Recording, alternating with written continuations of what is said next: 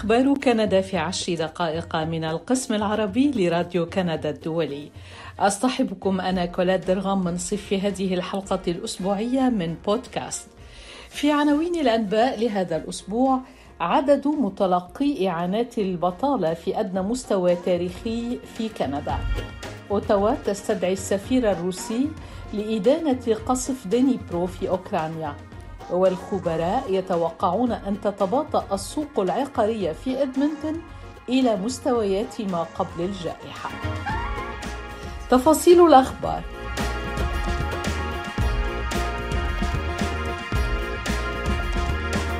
في سابقة من نوعها في البلاد منذ العام 97 من القرن الماضي تراجع في شكل كبير عدد المستفيدين من إعانات البطالة وأفادت وكالة الإحصاء الكندية بأن نحو 400 ألف استفادوا من إعانات البطالة في شهر تشرين الثاني نوفمبر الماضي في البلاد أي أقل بمقدار يبلغ حوالي 23 ألفا عن شهر تشرين الأول من العام الفائت.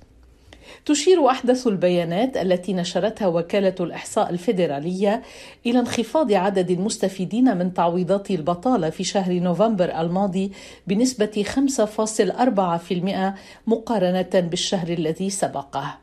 ووفقا لوكالة الإحصاء فهذا هو أقل عدد من الأشخاص الذين تلقوا إعانات البطالة على الإطلاق منذ أن بدأ إصدار البيانات القابلة للمقارنة في العام 97 باستثناء صيف عام 2020 عندما كان برنامج المساعدة الكندية الطارئة سارية إبان أو ساريا إبان جائحة كوفيد 19 الجدير ذكره أن معدل البطالة سجل 5.1% في نوفمبر في كندا بانخفاض بلغ 0.1 نقطة مئوية.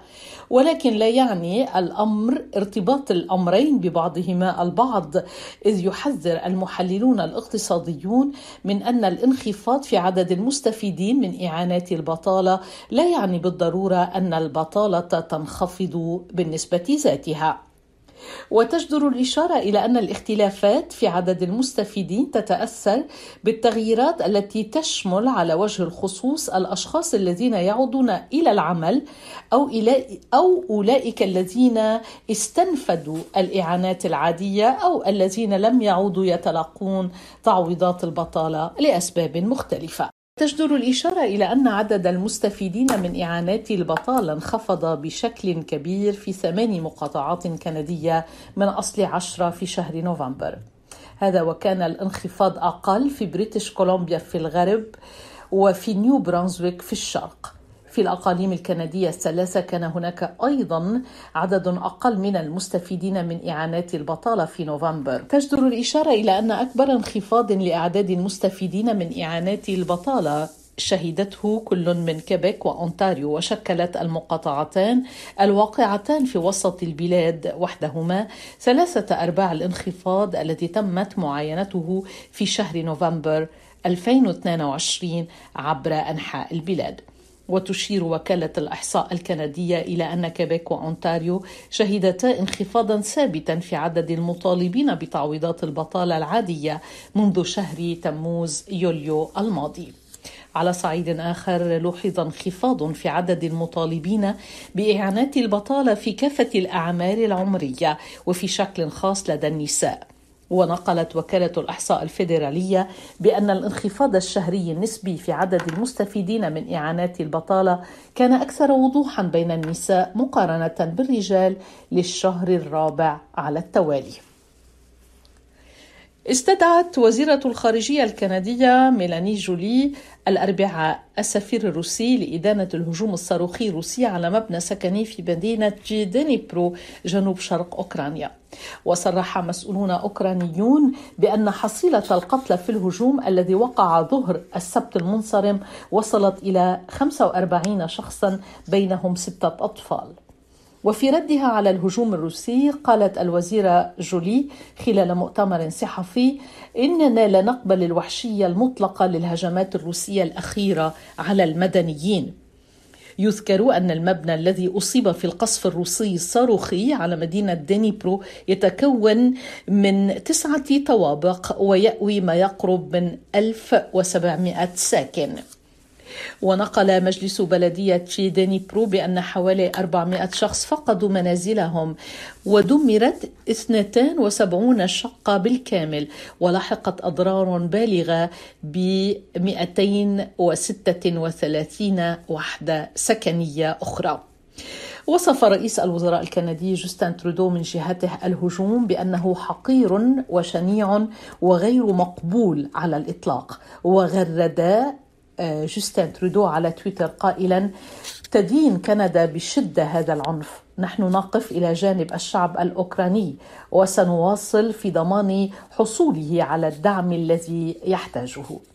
يذكر أنها المرة الرابعة التي تستدعي فيها وزيرة الخارجية الكندية السفير الروسي أوليغ ستيبانوف منذ الغزو الروسي لأوكرانيا في الرابع والعشرين من شباط فبراير من العام الماضي.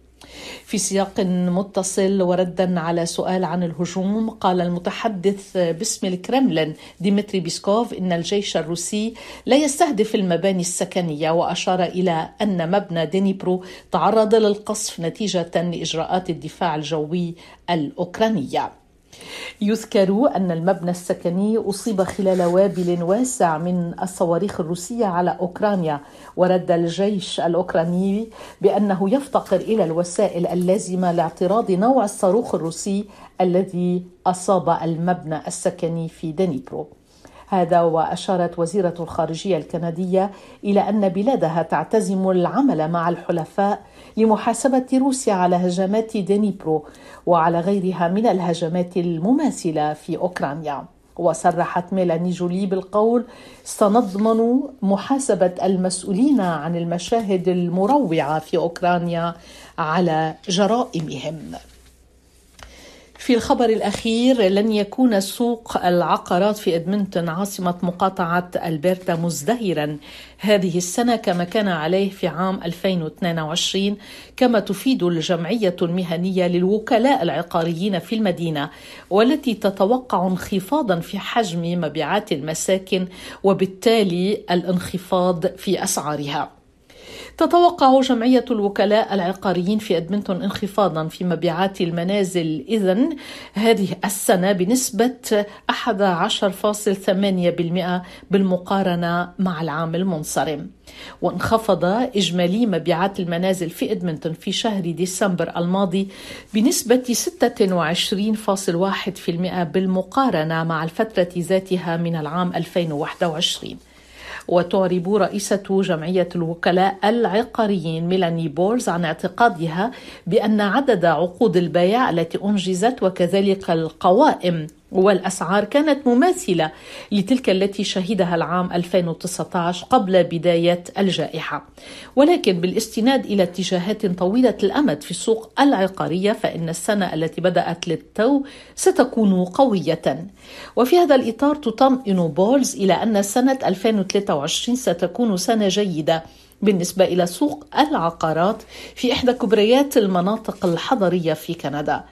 ويشير الانخفاض في أسعار المنازل في الواقع إلى أن سوق العقارات في إدمنتون تمر بمرحلة استقرار بعد ثلاث سنوات من النشاط غير الطبيعي الذي شهدته بسبب الجائحة. إلى هنا ينتهي البودكاست الأسبوعي. قدمته لكم أنا كولاد درغا منصف من راديو كندا الدولي. عطلة أسبوع سعيدة ونلتقي مجددا الأسبوع المقبل. إلى اللقاء.